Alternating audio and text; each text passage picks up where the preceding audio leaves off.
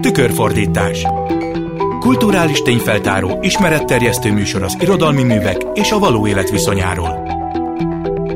Tükörfordítás A Klubrádió mikrofonján Elpályi már köszönti Önöket, jó napot kívánok! Ebben a műsorban a szövegek és a valóság átjárásával foglalkozunk, és általában olyan szemszögeket érintünk, amelyeket ritkábban szoktak. A mai adásban abba a változásba pillantunk bele, amelyet a kora újkori felfedezések hoztak az emberiség számára, és amelynek nyomán általánosan elterjedté vált a modern emberek körében, többek között a paranoia, a kicsiség érzete, vagy éppen minden látható valóság megkérdőjelezése. A következő egy órában a szövegeké lesz a főszerep, de azért beszélgetni is fogunk majd. Most először hallgassuk meg Hanna Arendt eszéjének részletét Szaploncai Mária címművész előadásában. Három nagy kezdeti esemény határozta meg az újkor arculatát.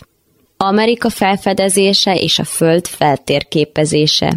A reformáció, valamint a távcső föltalálása és az új tudomány kialakulása, amely a világegyetem felől tekintett a földi természetre.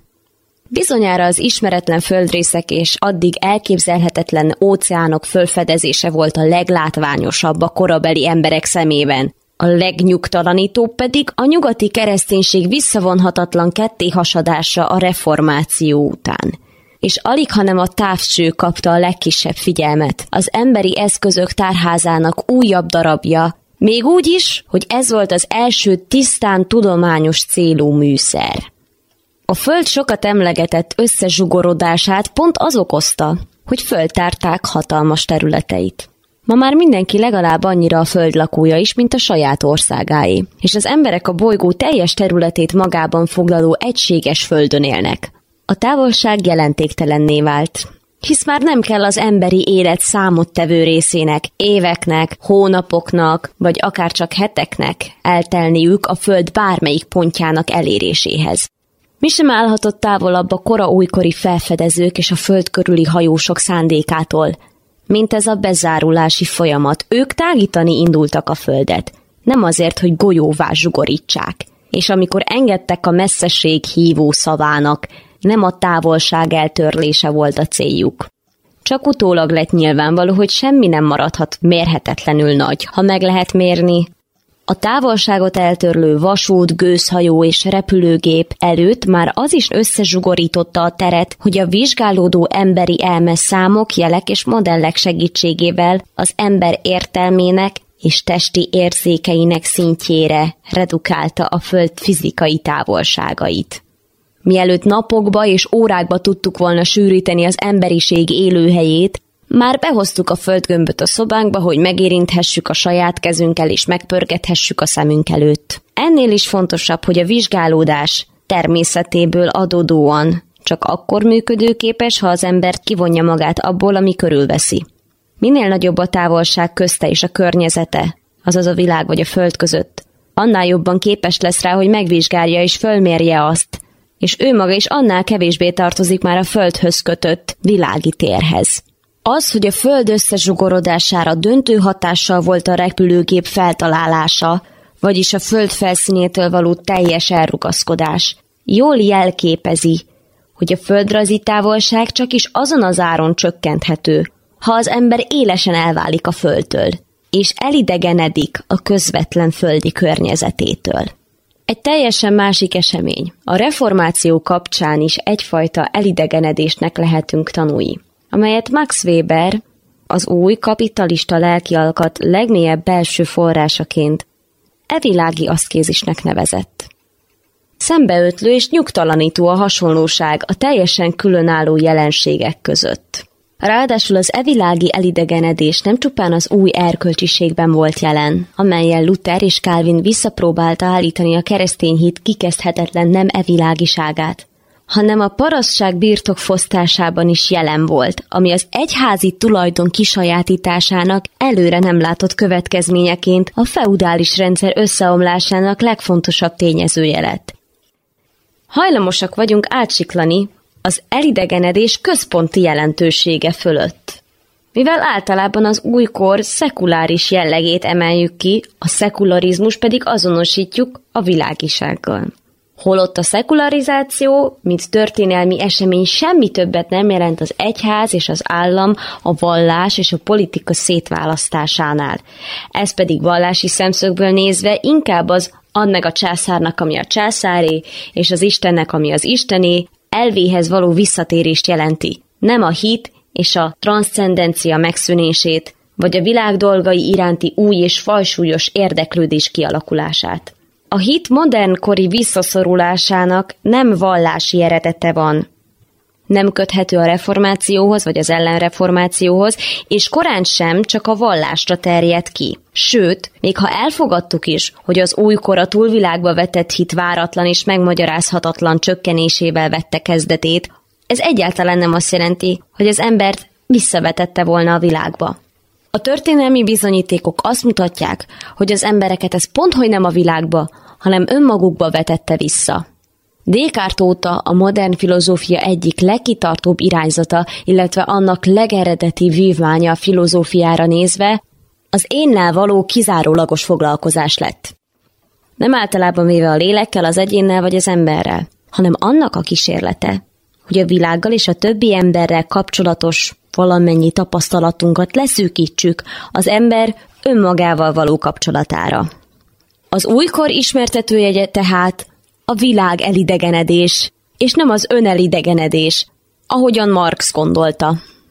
A másik nagy felfedezés, Galilei távcsöve. Egyszerre alkalmazkodott az emberi érzékeléshez, és igyekezett fölfedni azt, amit soha nem ismerhetünk meg az érzékeink útján. Fölfedezésének újdonságát elhomályosította, hogy szorosan kapcsolódott elődeihez. A történész hajlik a következtetésre – hogy a Ptolemájoszi rendszer megdöntésében nem a tapasztalati igazolás játszotta a legnagyobb szerepet, hanem az elméleti bátorság, valamint Kopernikus képzelő erejének hatalmas merészsége, amely felemelte őt a földről és lehetővé tette számára, hogy úgy tekintsen le rá, mintha a nap lakója volna. Galilei tettének páratlan újdonsága az volt, hogy a világ egyetem titkait a távcső alkalmazásának köszönhetően az érzéki tapasztalatok bizonyosságával adta az emberi megismerés birtokába. A természettudományok ternyerését az emberi tudás és hatalom egyre fokozódó növekedésének tulajdonítják. De ugyanebben látják az emberi kétségbeesés és a sajátosan modern nihilizmus terjedésének okát is, ami a népesség mind nagyobb szeletét érinti, és ami már magukat a tudósokat sem kíméli, akiknek indokolt derülátása még a 19. században is szembe tudott szállni a gondolkodók és költők ugyancsak jogos borulátásával. A galilei nyomán kialakult modern asztrofizikai világkép és a vele járó kihívás, hogy képesek lehetünk-e az érzékeink útján megismerni a valóságot, egy olyan világegyetemet hagyományozott ránk, amelynek tulajdonságairól csupán annyit tudunk, amennyit a műszereink kimutatnak belőle, és, Eddington szavával élve, az pont annyit árul el a jelenségről, mint a telefonszám az előfizetőről. Tehát a szemünk nem az objektív minőségeket, hanem az adatokat látja. És az ember, Heisenberggel szólva, a természet vagy a világ egyetem helyett csupán önmagával találja szemben magát. Tehát ugyanannak az eseménynek a szerves velejárója, a kétségbeesés és a diadal is. Mintha az ősi félelem, hogy az érzékeink, a kimondottan a valóság észleléséért felelős szerveink megcsalnak bennünket, és az archimédészi vágy, hogy megtaláljuk a földön kívüli pontot, ahonnan az egész föld kimozdítható a helyéből, csak is együtt válhatott volna valóra.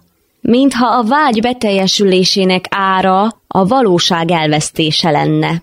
A félelem pedig csak úgy bizonyulhatna igaznak, ha a földön kívülálló erők bevonása kárpótol érte és bár az emberi létezés feltételei továbbra is a földhöz láncolnak minket, megtaláltuk a módját, hogy úgy cselekedjünk a földön és a földi természetben, mintha kívülről, az árkimédészi pont felől rendelkeznénk felette.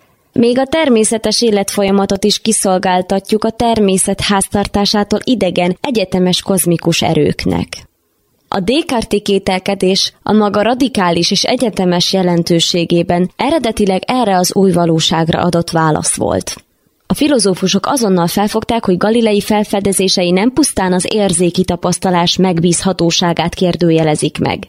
Most már nem csupán az érzékek és az ész között kellett választani, illetve hagyni, hogy az ész diadalmaskodjon a könnyen hívésen. Nem az ész, hanem egy ember alkotta műszer, a távcső változtatta meg a fizikai világképet. Nem a szemlélődés, a megfigyelés vagy az elmélkedés hozta el az új tudást, hanem a homo faber, az alkotó és termelő ember közbelépése.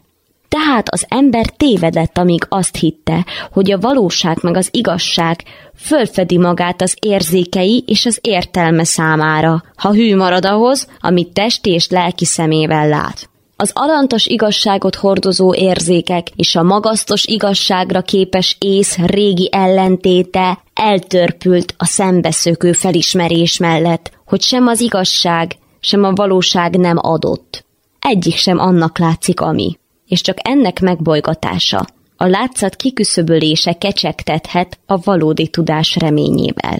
Ha az emberi szem annyira becsaphatta az embert, hogy nemzedékek hosszú sora élt a tévhitben, hogy a nap forog a föld körül, akkor alig, hanem a lelki szem hasonlata sem tartható.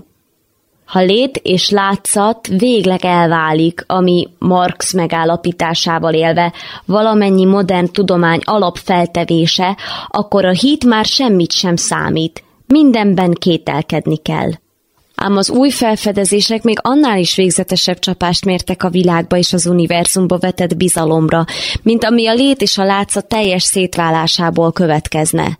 A kettő viszonyait nem statikus, mint a hagyományos szkepticizmusban, ahol a látszat elrejti az igazi létezőt az ember tekintete elől. Ellenkezőleg ez a létező most már roppant aktív és lendületes.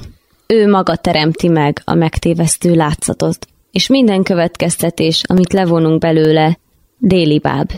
Amikor nyilvánvalóvá vált az új világkép valódi tartalma, vele együtt a karteziánus filozófia két rémlátomása is elkerülhetetlenül elterjedt. Az egyik a világ és az emberi élet valóságának kétségbevonása.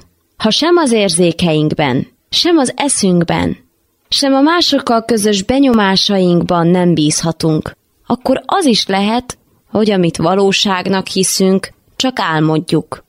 A másik, hogy ilyen körülmények között tényleg valószínűbbnek hat, hogy egy gonosz szellem, egy győ trompőr vezeti félre tervszerűen rossz szándékkal az embert, mint az, hogy Isten a világegyetem ura. E gonosz szellem örtögi elvetemültsége abban állna, hogy csak azért teremtette meg az igazság fogalmát ismerő teremtményt, hogy utána felruházza őt olyan további adottságokkal, amelyek ellehetetlenítik, hogy valaha bármilyen igazsághoz eljuthasson, vagy biztos lehessen valamiben. A bizonyosság kérdése határozta meg az újkor egész erkölcsi fejlődését. Természetesen nem az igazság, a valóság, vagy a hit képessége szűnt meg, és nem is az érzéki vagy a racionális tapasztalatokat kezdték tagadni, hanem a bizonyosság tűnt el, amely korábban ezeknek a része volt. Ez történt az összes protestáns országban, ahol a katolikus egyház bukásával az utolsó hagyományhoz láncolt intézmény tűnt el, amely a modern világ és a hívők tömegei közé áll mindenütt, ahol a tekintélye fennmaradt. Az elveszett túlvilági bizonyosságot a földi jó buzgalma váltotta fel. Az igazság bizonyosságának eltűnése pedig az igazmondás példátlan buzgalmába torkollott, mintha az ember csak addig hazudhatott volna kedvére, amíg biztos lehetett az igazság és az objektív valóság megingathatatlan létezésében, ami biztosan ellenáll a hazugságainak és diadalmaskodik fölöttük. Szembeötlő, hogy a vezető vallások egyike sem sorolta soha a hazugságot a halálos bűnök közé. Nem csak a ne hazudj parancsolata hiányzik, hiszen a ne tégyete fele barátod ellen hamis bizonyságot mást jelent, hanem úgy tűnik, mintha a puritán erkölcsiséget megelőzően a hazugságot senki nem is tartotta volna súlyos véteknek. Az erkölcsi mércék gyökeres megváltozását az újkor első századában az emberek akkori legfontosabb csoportja az új tudósok szükségletei és eszményei ösztönözték. És a modern erény sarokpontjai, a siker, a szorgalom és a szava hihetőség. Egyúttal a modern tudomány legjelentősebb erényei is.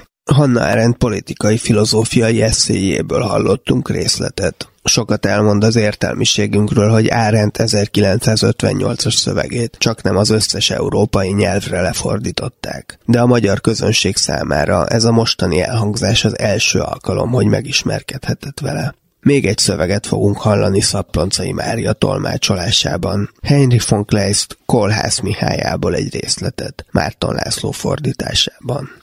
Árendtnél hallottuk, hogy az ókori felfogással ellentétben, az újkor kezdetétől az emberek egyre kevésbé tudták elképzelni, hogy nagyjá váljanak. Nem másokon felül kerekedve, hanem az emberi nagyság, kiteljesedés eredeti értelmében. Ennek tükrei a korabeli paraszt felkelések is, és ami kolhász lázadását megkülönbözteti Dózsa Györgyékétől, mint mindjárt hallani fogjuk. Az az, hogy kolhász elsősorban erkölcsi elégtételt kíván venni az ő tért sérelemért. Heinrich von Kleist írásának részletét Szaploncai Mária olvassa fel. Kolhász ott állt Lipcse előtt, és a várost három felől lángba borította. Abban a nyílt parancsban, amelyet ez alkalomból kibocsátott, Mihály az arkangyal helytartójának nevezte magát.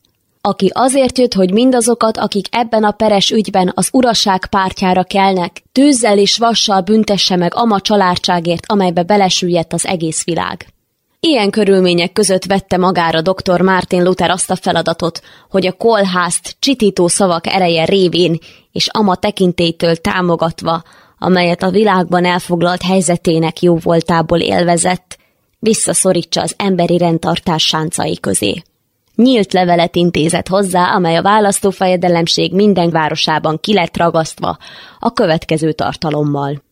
Kolhász, te, aki azzal kérked el, hogy küldetésed van rá az igazság kardjával hadakozni. Mit merészelsz, csak mert az uralkodó, akinek alatvalója vagy, megtagadta, hogy jogodat szolgáltassa, jogodat semmire való javakért folytatott vitában. Azért felzendülsz, de bitang, tűzzel és vassal, és miként puszták farkasa rohansz a békés nép sokaságra, amelyet oltalmaz fejedelmed. Azt képzeled bűnös létedre, hogy majd Isten előtt, ama végső napon mindezzel igazolást nyerhetsz. Hogyan is állíthatod, hogy megtagadtatott a jog tőled? Te, akinek áldálsz keble az undorító önbíráskodás bosszus vágyától felingerelve, mindjárt az első meggondolatlan próbálkozások után, amelyekkel kudarcot vallottál, teljesen felhagyott annak igyekezetével, hogy jogod érvényre jusson. Vajon egy pulpitusnyi törvényszolga és poroszló, akik egy beérkezett levelet elsikasszanak, vagy egy végzést, amelyet továbbítaniuk kellene, visszatartóztatnak? Vajon ők-e a te felsőbséged? És vajon azt kell -e mondanom, te Istentől elrugaszkodott, hogy a te felsőbséged nem is tud az ügyedről? Mit mondjak? Hogy az uralkodó, aki ellen lázadsz, még a nevedet sem ismeri. Tudd meg tehát, hogy te magad zendülő vagy. Nem az igazságos Isten harcosa, és a te célod e világon akasztófa és kerékbetörés, túlnan pedig a kárhozat, amely a gonosztett és az istentelenség zsoldjául adatik. Wittenberg a stb. Martin Luther ki írhatná le, ami kolhász lelkében végbe ment, midőn a papírost, amelynek tartalma őt igaztalannak bélyegzi, megpillantotta. Rajta aláírásként a legdrágább és tiszteletre legméltóbb névvel, amelyet ismert, Martin Luther nevével. Leszakította a papírost a falról, még egyszer átolvasta, azzal eltűnt. Olyan ruhát öltött magára, mint akármely türingiai földbérlő, és útnak indult Wittenberga felé. Megszállt egy fogadóban valaki másnak a nevén és mihelyt leszállt az éj, köpönyegébe burkolózva magához véve egy pár pisztolyt, belépett Lutherhez a szobájába. Luther, aki írópultja mellett ült, kéziratok és könyvek között, és aki látta a különös idegent, amint benyit, majd erre teszeli maga mögött az ajtót, megkérdezte tőle, hogy kicsoda. És mihelyt a jövevény, aki tisztelettudóan kezében tartotta süvegét, annak a rémületnek, amelyet okoznia kell aggodalmas előérzetével, azt felelte, hogy ő Kolhász Mihály, a lókereskedő. Luther már is, távozz zinét, kiáltotta, és miközben a pult mellől felállva egy csengettyűhöz sietett hozzátette. Lehelleted maga a dögvész, közelséged maga a romlás. Kolhász miközben helyéről nem mozdulván elővette pisztolyát, így szólt. Nagy tiszteletű úre, pisztoly! Ha kegyelmed a csengettyűhöz nyúlna, a kegyelmed lába elé teríti holtestemet. Üljön le és hallgasson végig. Luther miközben leült megkérdezte, Mit akarsz? Felelte kolhász. Kegyelmed azon véleményét, hogy én igaztalan ember volnék megcáfolni. Ha kegyelmet számomra törvényes oltalmat biztosít, akkor én elmegyek Dresdába, és ügyemet a bíróság elé tárom. A háború, amelyet az emberi nép sokasága ellen viselek, valóban gonosz tett, hogyha, mint kegyelmet biztosított felőle, nem vagyok a társadalomból kitaszítva. Kitaszítva? kiáltotta Luther, miközben bámult rá. Miféle tévolyult gondolkodásmód kerített hatalmába? Kicsoda taszított volna ki téged az állam közösségéből, amelyben éltél? Kitaszítottnak, felelte Kolhász, miközben kezeit összeszorította. Azt nevezem, aki meg van fosztva a törvény oltalmától. Nekem ugyanis békés foglalkozáson fenntartása véget erre az oltalomra van szükségem, és aki ezt megtagadja tőlem, az kitaszít a pusztaság fenevadjai közé. Ő maga adja kezembe, hogyan is tagadhatná kegyelmed, alma húsángot, amely oltalmam gyanánt szolgál. Luther fontolóra véve az ítéletet, amelyet Emez bocsátott ki az uraság ellen megkérdezte. Mégis mit kíván a drezdai törvényszéktől? Felelte Kolhász. Az uraság megbüntetését a törvények szerint, a lovak régebbi állapotának helyreállítását, és kárpótlást mindazért, amit elszenvedtünk a rajtunk esett erőszaktétel során. A házat és az udvart és a jólétet, amely az enyém volt, nem követelem vissza, sem pedig feleségem temetésének költségeit. Mondta Luther, őrjöngő, érthetetlen és írtózatos ember. Miután kardod az uraságon megállt a bosszúját, a legszörnyűbbet, amit csak elgondolható. Mi ösztökél téged arra, hogy olyan határozathoz ragaszkodj vele szemben, amelynek szigora, ha végül is lesújt rá, őt ilyen elenyészően csekély büntetéssel fogja terhelni? Felelte kolhász, miközben egy könycsepp gördült végig orcáján. Nagy tiszteletű úr, nekem ez az ügy a feleségem életébe került. Kolhász meg akarja mutatni a világnak, hogy hitvese nem igazságtalan torzsalkodásban pusztult el. Luther azt mondta, hogy ő kolhász kedvéért tárgyalásokat kezdene a választó fejedelemmel. Habár, folytattam időn kolhász lehajolt, hogy kezet csókoljon neki, hogy a választó fejedelem kegyelmes lesz-e vagy igazságos, azt nem tudom. Mivel, hogy amint én észrevettem, nagy sereget vont össze, és szándékában áll, hogy őrizetbe vegyen téged a lücceni kastélyban. Kolhász hirtelen térdre borult előtte, és így szólt, hogy neki még egy kérés nyomja a szívét. Volna-e a nagy tiszteletű úr olyan jóságos hozzá, hogy fogadná minden további előkészület nélkül az ő gyónását, és viszonzásul részesítené-e a szentség kiszolgálásának jó téteményében? Luther rövid töprengés után miközben merően nézte őt így felelt. Igen, kolház, hajlandó vagyok rá. Csak hogy az úr, akinek testéből részesülni vágyol, megbocsátott az ellenségének. Hajlandó vagy-e? tette hozzá látván kolház lesújtott pillantását, az uraságnak, aki megbántott hasonlóképpen megbocsátani. Nagy tiszteletű úr, mondta kolhász elvörösedve, miközben megragadta Luther kezét. Az úr sem bocsátott meg minden ellenségének. Hadd, hogy megbocsássak a választó fejedelemnek, az én két uramnak, meg a várnagynak, meg az intézőnek, meg bárki másnak, aki megsértett ebben az ügyben. De hadd, hogy az uraságot kényszerítsem, hogy felhízlalja fekete lovaimat. E szavak hallatán Luther kedvetlen pillantást vetett rá, hátat fordított neki és megrángatta a csengettyűt. Kolhász miközben felindultan szorongatta süvegét mindkét kezével megkérdezte, így tehát, nagy tiszteletű úr, a megbékéltetés jó téteményében, amelyet kértem kegyelmettől, mégsem részesülhetek? Luther kurtán felelt. Megváltóddal nem. Az uralkodóval, ahogy ígértem, meg fogom próbálni, majd meglátjuk. Kolhász a lelki fájdalom kifejezéseképpen szívére szorította két kezét. Lement a lépcsőn, és eltűnt. Heinrich von Kleist Kolhász Mihályából hallottunk egy részletet Szaploncai Mária előadásában. Előtte pedig Hanna Árentől hangzott el egy részlet. Most Csernek Lára költővel és színházi alkotóval beszélgetek néhány szót arról, hogy ezeknek a fényében is, amit hallottunk, vajon mi a mai világállapot. Amit kórház tesz, azt mai szemmel egyrészt az emberi jogaiért való alapvető küzdésnek látjuk, tehát hogy ne lehessen ilyen igazságtalanul megalázni valakit, mint ami ennek a történetnek a kezdőpontja. Másfelől a pszichológiai megközelítés elég határozottan látná benne a személyes egyensúlyzavart is, Az okosak ezt reszantimannak szokták nevezni, bár a Nietzsche reszantiman egészen más jelent. A fogalom megalkotója sokkal inkább az erkölcsi felelősségérzet normálvá válását látta problémának, ami elzárta az embereket a valódi életük átélésétől, és nem pedig a bosszúvágy vagy a neheztelés foglalkoztatta, amikor erről beszélt magyar értelmiségi és politikai környezetben sokszor magát a beszédet is fölösleges trollkodásnak tartják, és a csöndes önuralmat tekintik méltóság teljesnek. Itt azért látjuk eléggé Nyugat-Európának a már 500 évvel ezelőtt is meglévő különbségét, hogy ott azért mind kolház, mind Luther elsősorban beszéddel próbálja meggyőzni a másikat. Árend szerint éppen a meddőnek tekintett beszélgetés és a cél nélküli cselekvés hozhatja el a valódi jelentést az emberi életbe. Csernek Lára szerint mi lehet ma az emberi kiteljesedésünk útja a világban? Talán a morális akadályok által eltorlaszolt útvonalakról való random letérés lehet a legnagyobb önfelszabadítási gyakorlat. Hát itt a randomon van a hangsúly, ha jól értem, ez mit akar?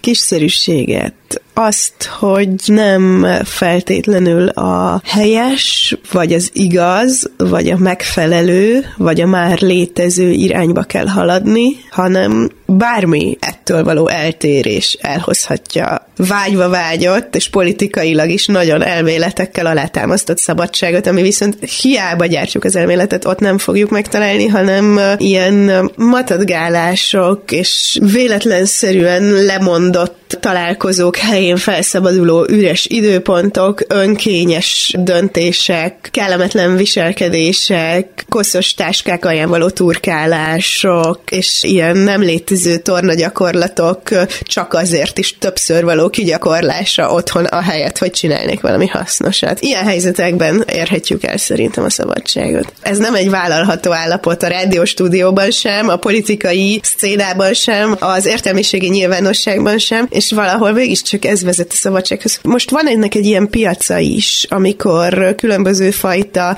lelkivezetők és terápiás mesterek megpróbálnak kivezetni ezekből a szorongásokból minket, és viszont ezekben a helyzetekben újra ilyen zárt, irányított, hierarchikus kompozíciókban találjuk magunkat, ahol viszont már totálisan értelmetlenné válik a vezető ellen lázadni, hiszen mi választottuk azt, hogy ő szabadítson fel.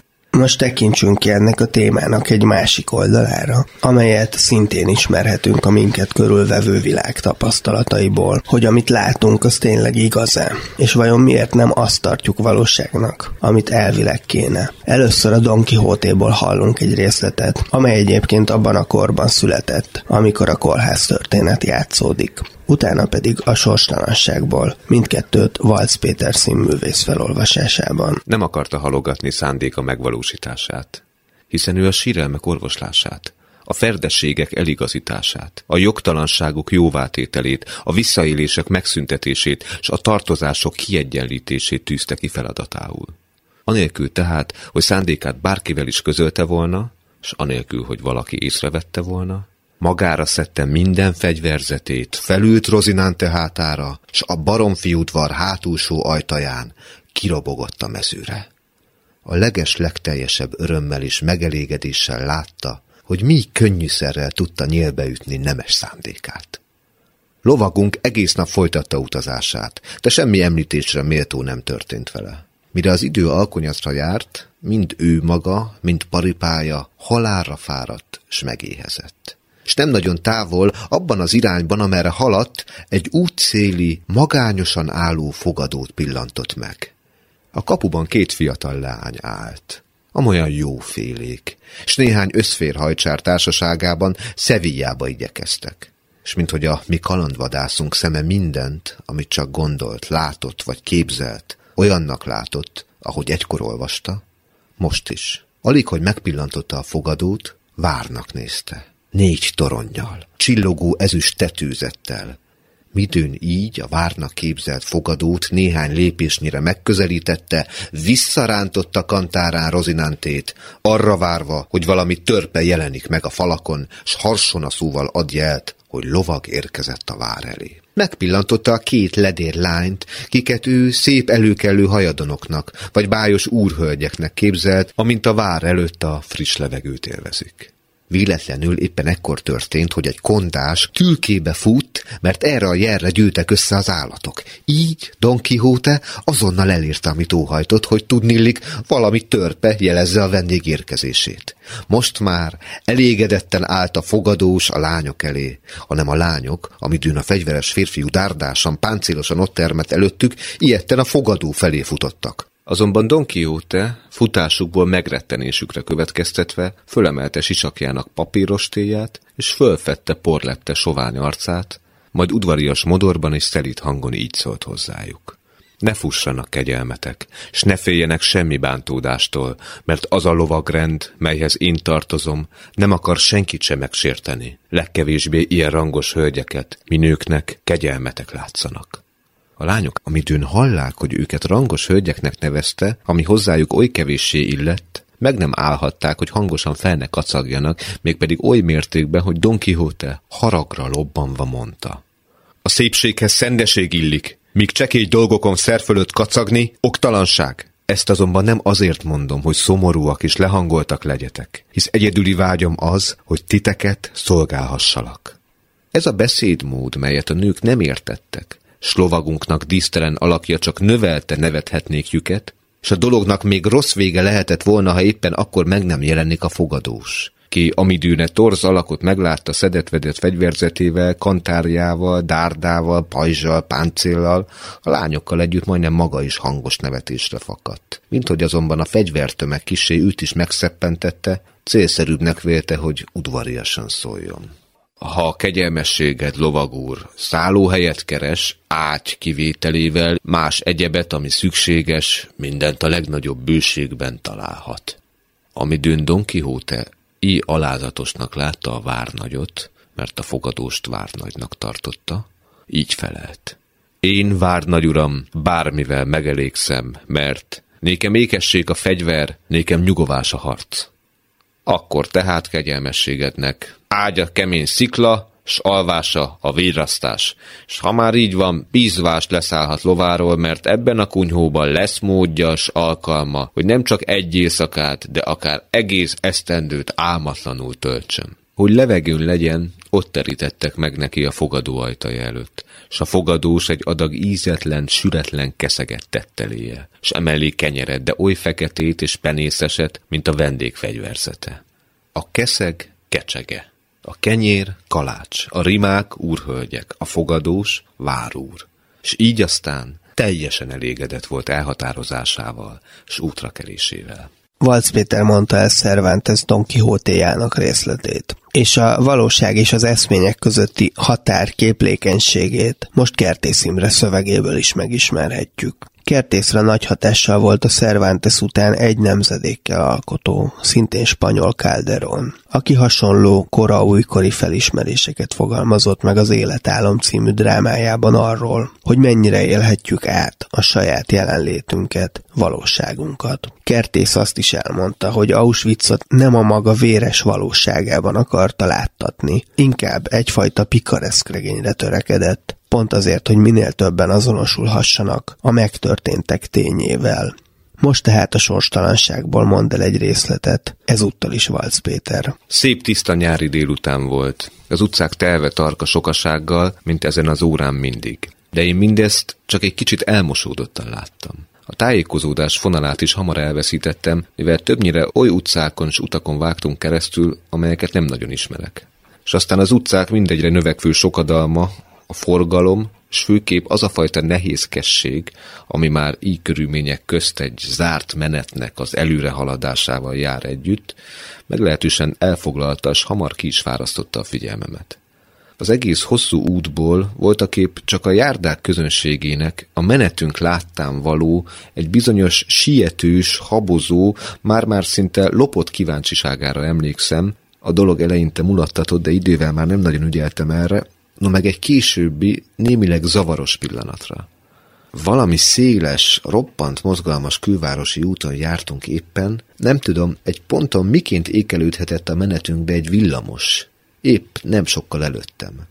kénytelenek voltunk megtorpanni arra a pillanatra, amíg áthaladt. És ekkor lettem figyelmes egy sárga ruhadarab hirtelen villanására, az utas volt. Egyetlen hosszú szökkenés, és már el is veszett oldalt valahol a gépek és az emberek forgatagában. Egész elképettem. Mindez valahogy nem nagyon vágott össze a vámházbeli viselkedésével, úgy találtam. De mindeközben mást is éreztem még, valami jókedvű meglepődést, azt mondhatnám. Egy tettnek az egyszerűségén. És csak ugyan láttam, hogy egy-két vállalkozó akkor mindjárt neki is iramodott még ő utána ott elől. Magam is körülnéztem, bár inkább csak, hogy úgy mondjam, a játék kedvéért. Mert hisz egyéb okot nem láttam rá, hogy elinaljak. És azt hiszem, még lett is volna időm. De hát aztán mégis a becsület érzése bizonyult bennem az erősebbnek. Ott utána a rendőrök mindjárt intézkedtek, és a sor ismét összezárult körülöttem. Egy ideig még mentünk, majd utána minden igen gyorsan, váratlanul és egy kicsit meghökkentő módon történt. Valahol befordultunk, és úgy láttam megérkeztünk, mert az út egy szélesre tárt kapuszárnyai közt folytatódott. Akkor vettem csak észre, hogy a rendőrök helyett a kaputól már egyszerre mások léptek az oldalunkra. Olyan ruhában, mint a katonáké, de tarka tollakkal az ellenző sipkájukon. Csendőrök voltak. A második benyomásom meg a mindjárt erre következő átláthatatlan vezényszavaktól hangos zűrzavar volt. Azt se tudtam, merre is forduljak hamarjában, és csak arra emlékszem, hogy mindeközben nevethetnékem volt kisé. Egyrészt a csodálkozástól, meg a zavartól, attól az érzéstől, mintha valami esztelen színjátéknak csöppentem volna váratlanul a közepébe, melyben nem is egész pontosan ismerem a szerepemet. Aztán még csak annyira emlékszem, hogy amikor a fiúkkal már hátra, a mi szálláshelyünk felé tartottunk, épp egy házas párhoz értünk oda. Sokszor láttam, és látásból már jól ismertem is őket. Kicsi, finom vonású, törékeny alkatú feleség, meg sovány, szemüveges, helye közel foghíjas, örökön lótó-futó, készenlétben álló, mindig verítékes homlokú férj. Most is igen elfoglalt volt. A földön kuporogva, nagy sietséggel a csomagjukat gyűjtötte, és szíjazta minden darabját egybe. És csak is ezzel a munkájával látszott törődni, semmi mással. De a bal szerencsés ember megtorpant mögötte, és úgy látszik, ő is ismerhette, mert egy perc múlva kérdezte tőle, ezt szerint ők is az utazás mellett döntöttek-e. Akkor is csak egyetlen pillanatra tekintett hátra, és föl rá a szemüvege mögül, hunyorogva, izzadtan, még az esti fénytől is erőlködve, összehúzott arccal, és csupán ezt az egy meglepődött kérdést adta néki válaszul. Hát menni kell, nem? És amilyen egyszerűnek, végső soron épp oly igaznak is éreztem ezt az észrevételt. Kertész Imre sorstalanságának részletét hallották Valc Péter előadásában. Előtte a Don Quixote-ból hangzott el egy részlet. Csernek Lárával beszélgetünk, a mikrofonnál Pályi Márk. Don Quixote látszólag azért nincs képben a tényekkel, mert rabul ejtették a lovagregények. Kertész Köves Gyuriát pedig már nem a könyvek, hanem az egész újkori morál és a vele járó ájtatos fogalom használat ejtette rabul, legalább olyan súlyosan. Az is feltűnő, hogy ami Cervantesnél még a külső és a belső valóság különbsége, az Kertésznél végig egy belül önmagában zajló konfliktus, vagy inkább észlelészavar, vagyis hasonló, mint amit Arendt mondott az adás elején hallott szövegében a Descartes filozófia hatásáról a modern gondolkodásra. Ahogy Kleist kolhászában is láttuk, az újkorban gyanús lett a személyes tapasztalás. Egyre inkább csak az számított elfogadottnak, amit kívülről ítéltek meg. Végeredményben ezért van, hogy köves sem képes megítélni, hogy most neki zsidóként van-e helye részt venni ebben a pusztításban, vagy nincs. Holott a humanista közhelyek egyértelműen azt ordítanák, hogy nincs. Kertész pont azt akarja leleplezni, hogy ezek a humanisták olyanok, mint akik kinevetik Don Quixote-t, tehát sokkal kevésbé a dolog valódi elszenvedését élik át, mint inkább ugyanúgy külső ítéletet alkotnak, ahogy az elkövetők. Tehát, mintha pont a saját viszonyunk hiányozna a valóságnak az észleléséből, az, amit mi teszünk hozzá, és attól még nem fikció, ami Hajdú Szabolcsik Bibliotek Pascal című filmjének is a témája, vagy ahogy te fogalmaztad több helyütt korábban, hogy úgymond több játékot kellene belevinni a valóságba. Ezek ilyen különböző fajta hierarchikus és elméleti keretezések, vagy ilyen halmazok, amikbe folyamatosan próbáljuk magunkat is, meg a többieket, meg a környezetünket így szétosztani. Föl van térképezve az egész, fel van szeletelve a világ térkép kis kockákra, és be van betűzve, számolva, és akkor az A2 kockában ez van, a D6-ban ez van, és soha nem jártam a C23-ban, és miért pont oda mennék, hogyha én egyszer az E8-asban vagyok lakos, de mégis ezek a különböző kis kategóriák hogyha egy ilyen társasjátéknak a mezőiket nézünk rá, akkor hirtelen lehetőségeket is biztosítanak. Ezeknek korlátozó funkciója van tulajdonképpen eredetileg, meg ellenőrző, viszont hogyha azt mondjuk, hogy nekünk ez végül is tetszik, és megtanultunk már egy pár módszert négy-öt éves korunkban arra, hogy hogyan lehet a kígyók és létrák hagyományos módszereivel randomra közlekedni ezek között, akkor végül is egy szórakozási lehetőséghez is juthatunk ebben amivel nem azt akarom mondani, hogy egy koncentrációs tábort, hogyha jól kezel az ember, akkor hirtelen nagyon-nagyon nagy társas játékká válik, hanem azt, hogy végeredményben állandóan különböző koncentrációs táborok vesznek minket körül, csak különböző mértékig szorítanak az adminisztrációs államgépezeteken Ahogy keresztül. Kertész Imre mondta a moralistákra, hogy hadd higgyék, hogy létezik egy haláltáborok nélküli igazságos diktatúra, ahol mindenki köteles boldog lenni.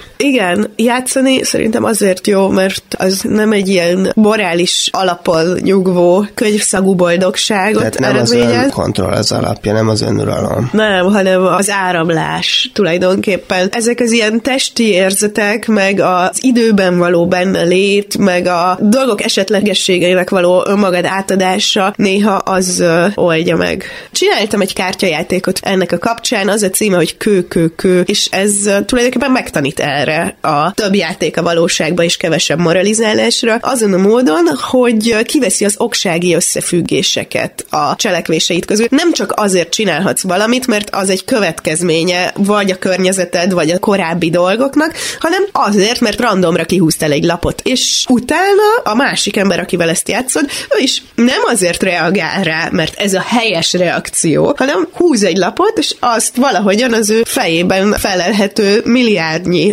összetevővel összekombinálja, és ezáltal kiszabadulunk az észszerűség és a fegyelmezettség elvárásai alól, és mégsem arról van szó, hogy egy mesébe vagy egy fikcióba kerülünk, hanem éppen ellenkezőleg ezzel kerülünk bele a valóságba, mert az idő legnagyobb részét egy fikcióban töltjük arról, hogy jó emberek vagyunk, akik helyesen döntöttünk, és hogyha ezt a terhet egy kicsit így lerázzuk magunkról, akkor hirtelen csak itt leszünk, és most leszünk, és csináltunk valamit, aminek egyáltalán nincs is feltételezhetően morális komponense. Magyarán a létezés valóságához jutunk el tulajdonképpen, és a személyes létezés valóságához. Igen. Csernek Lára a költőnek és színházi alkotónak köszönöm szépen, hogy beszélhettünk vele ezekről. A mai adásban Szaploncai Mária és Valc Péter felolvasásait hallották Cervantes, Kleist, Kertész Imre és Hanna Arendt írásaiból. Zárásként még hallgassunk meg egy szatirikus írást ugyanerről. A nagyjáválás mai esélyeiről és a szemünkkel látható valóság megbízhatóságáról, illetve a mediatizáció útvesztőiről. Más szóval arról, hogy az erkölcsös emberek hogyan teremtik meg tudományosan egy nem létező személy emlékezetét, és hogyan küzd ez ellen a modern kolház. Megköszönöm a technikai segítséget Csorba Lászlónak és Túri Luinak, önöknek pedig a figyelmet. Pályi Márkot hallották. Most tehát akkor következzen Efraim Kison, egy nagy ember halálára című humoreszkje, Dán Dalmát, azaz Dalmát Ferenc fordításában, és Sas Zoltán színművész előadásában. Az egész ügyért spégelék a felelősek, akik Green urat pont csütörtök este hívták meg vacsorára. Jól lehet Amaz, mint köztudomású, éjjeli szerkesztő a Gádér nevű nagy Héber napilapnál. Green úr tehát azon a csütörtök estén nem várta meg az éjféli lapzártát, hanem már fél tizenegykor átfutotta az újság kefele vonatát, megállapította, hogy minden a legnagyobb rendben van, és elsietett spégelékhez. Csak a szakszervezetekről, a Hisztadrútról írt nagy ünnepi cikk utolsó bekezdését nem találta a kefele vonatban, mire szokása szerint ráfirkantotta gyorsan az első oldal szélére piros ceruzával a tördelő Yitzhák részére. Hisztadrút lassim bemizgerett, aval Yitzhák Hasov Énénu, ami magyarul tudva levőleg annyit jelent szó szerinti fordításban, hogy hisztadrut keretbe tenni, de Yitzhák, a vég nincs meg. Ezután Green úr sietett Spiegelékhez, és elfelejtette az egész ügyet. Részint, mert tudta, hogy Yitzhák igen gyakorlott tördelő, akire lehet számítani, részint, mert elfelejtette az egész ügyet. Erre mit tesz a héberek istene? Reggelre kezébe veszi Green úr az újságot, csak ránéz az első oldalra, aztán úgy ugrik ki az ágyból, mintha csörgő kígyó marta volna meg. Az első oldalon ugyanis ott díszelgett egy óriási gyászjelentés. Yitzhák a vég elhunyt. Gyászolja a hisztadrut. Green úr azon nyomban elrohant a szerkesztőségbe az elkövetkezendő írtozatos botrány jegyében, de legnagyobb meglepetésére kiderült, hogy csak ő figyelt fel a kellemetlen kis incidensre. Yitzhák, a gyakorlott tördelő, kis ideig hallgatta Green felháborodott üvöltözését, aztán elővette a kefele vonatot, és rámutatott a piros ceruzás széjegyzetre, vagyis, hogy Hisztádrut lassim bemizgeret avál, Yitzhak Hasov énénu, amely szerinte szó szerinti fordításban annyit jelent, Hisztadrut gyászkeretbe tenni, Yitzhák a vég elköltözött az élők sorából. És különösképpen nem is lehetett vele nagyon vitatkozni, mert az avál szócska annyit jelent, hogy de, de annyit is jelent, hogy gyász, az olvasó pillanatnyi hangulata szerint. Azon kívül azt is tudnia kell az olvasónak, hogy Héberben minden betű nagy betű. És a tördelő nyugodtan gondolhatta, hogy a Hászov szócska, ami a véget jelenti, voltaképpen szép családi név, mintha magyarul úgy hívnának valakit, hogy Yitzhák a vég. Green úr halásápat lett és betántorgott a vezetőséghez, hogy némi magyarázattal szolgáljon a héber nyelv túlzott rugalmassága következtében előállott katasztrófáért. A vezetőségben azonban éppen emelkedett hangulat uralkodott, mert már a kora reggeli órákban nem kevesebb, mint 22 nagy és kövér gyászközlemény futott be a hirdetési osztályhoz Hitzhák a vég idő előtti elhunyt a nyomán. Green úr azonnal belátta, hogy a további vitának semmi értelme nincsen, néhány szót motyogott tehát arról a súlyos vesztességről, amely a halálesettel ért bennünket, majd egészségesen távozott, és mélyeket lélegzett a folyosó végén. Így történt aztán, hogy másnapra a Gádér első oldalai a gyászhirdetések jegyében zárultak le ilyenképpen. Fájdalomtól megtört szívvel értesültünk Yitzhák a vég idő előtti elhunytáról. Stuxtil Textil Kooperatíva Kft. vezetősége és a tisztviselői kar. A Jádeli Jáhúi munkástanácsot mélységes gyász tölti el Yitzhák a vég tragikus hirtelenséggel bekövetkezett halála fölött. Az elhunyt az országépítés nemes lelkű megszállottja volt. Mindez azonban csak szerény kezdett a következő napi újsághoz képest, amelyhez külön lapot kellett csatolni a gyászjelentések nagy száma miatt. Az autóbusz kooperatíva egymaga fél oldalt foglalt le. Mélységes együttérzésünk drága, egyetlen elvtársunk, Yitzhák Appelbaum avék korai halála alkalmából. Ekkor már az összes többi újságban is elszaporodtak a hirdetések, mint homok a tengerfővenyén.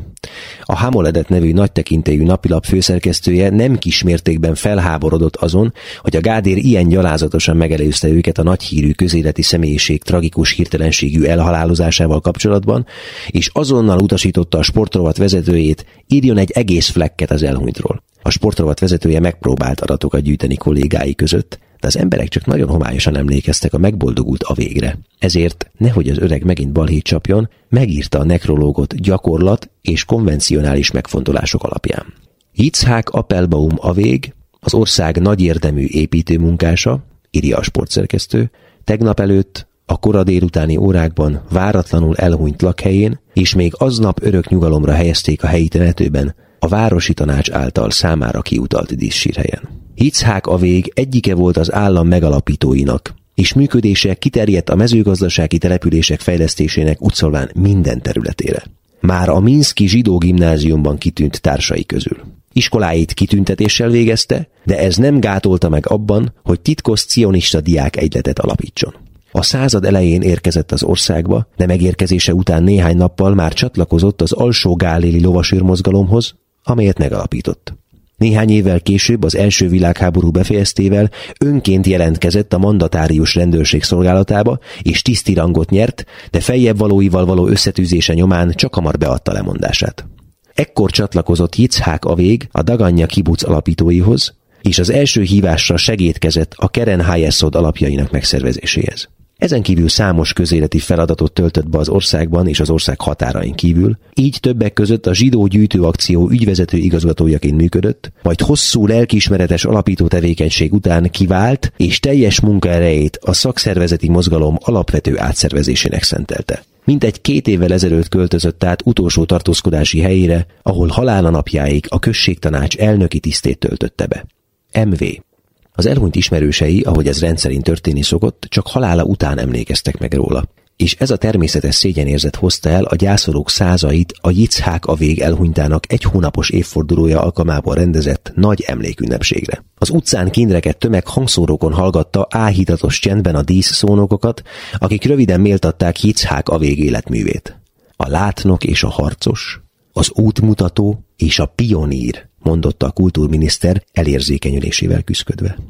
Csodálatos odaadás, eszmei hűség, páratlan munkabírás és társadalmi osztályának lángoló szeretete.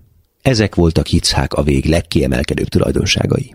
A tömeg alig bírt könnyeivel, amikor a Városháza férfi kórusa Saul Csernihovski Cion Cion című kantátájának eléneklésével lezárta a feledhetetlen ünnepséget. Amikor befejezték a Tel Avivi párközpont építését, Utszolván semmi kétség sem volt afelől, hogy kinek a neve fog a szép épületen díszelegni. Hosszú ideig keresték az elhunyt hozzátartozóit, hogy részt vehessenek a nagy avék palota felavatási ünnepségén, de mivel nem találtak egyet sem, a polgármester vágta át a zsinort az elhunyt özvegye nevében. A hatalmas épület méltó volt Hitzhák a végemlékéhez. A márvány lépcsőn felhaladva azonnal a megilletődött látogatók szemébe tűnt a megboldogult életnagyságú portréja, a neves festő, bárhonig, akit az elhunyt megörökítésével megbíztak, hosszas kutatás után sem talált egyetlen képet sem a zárkózott, visszavonult emberről, és csak az utolsó pillanatban fedezett fel a szakszervezeti központ levéltárában egy 35 év előtti elmosodott fényképet, amelyen a jobb memóriájú elvtársak minden kétséget kizáróan felismerték Hitzhák a véget, amint ott áll Joszép spincák mögött jellegzetes, megbocsátó mosolyával ajkán.